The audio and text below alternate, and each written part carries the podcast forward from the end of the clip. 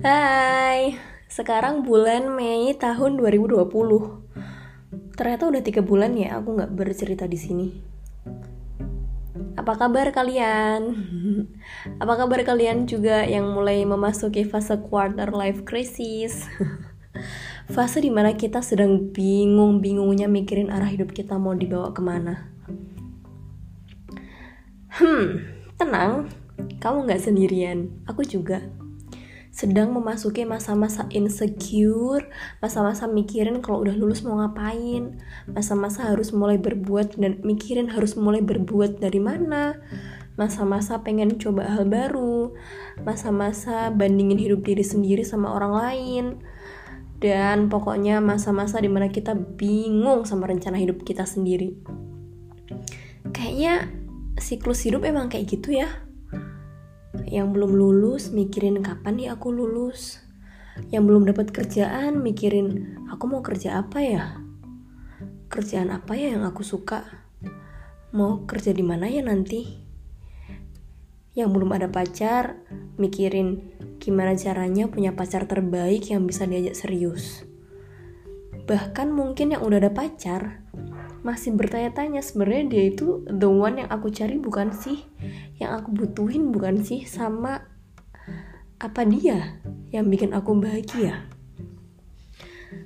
Ah, mungkin kayak gitu kali ya. Ya bersyukurlah buat kalian yang udah menemukan semua yang aku sebutin tadi. Yang belum nemu juga harus bersyukur karena masih ada orang sekitar seperti keluarga, teman yang selalu ngasih dukungannya buat kamu.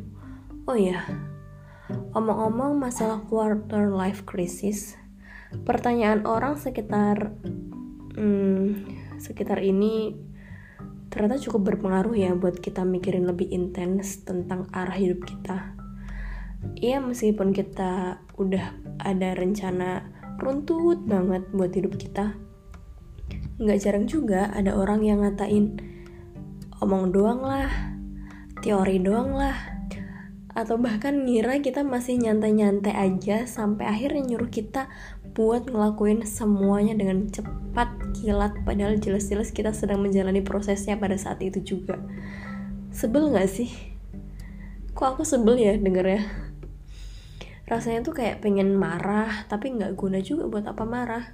Pengen ngomong kencang banget biar mereka tuh tahu kalau kita tuh sebenarnya bukan nggak ngapa-ngapain tapi mau mereka tahu pun itu nggak ada efeknya juga buat cepet lambatnya proses kita.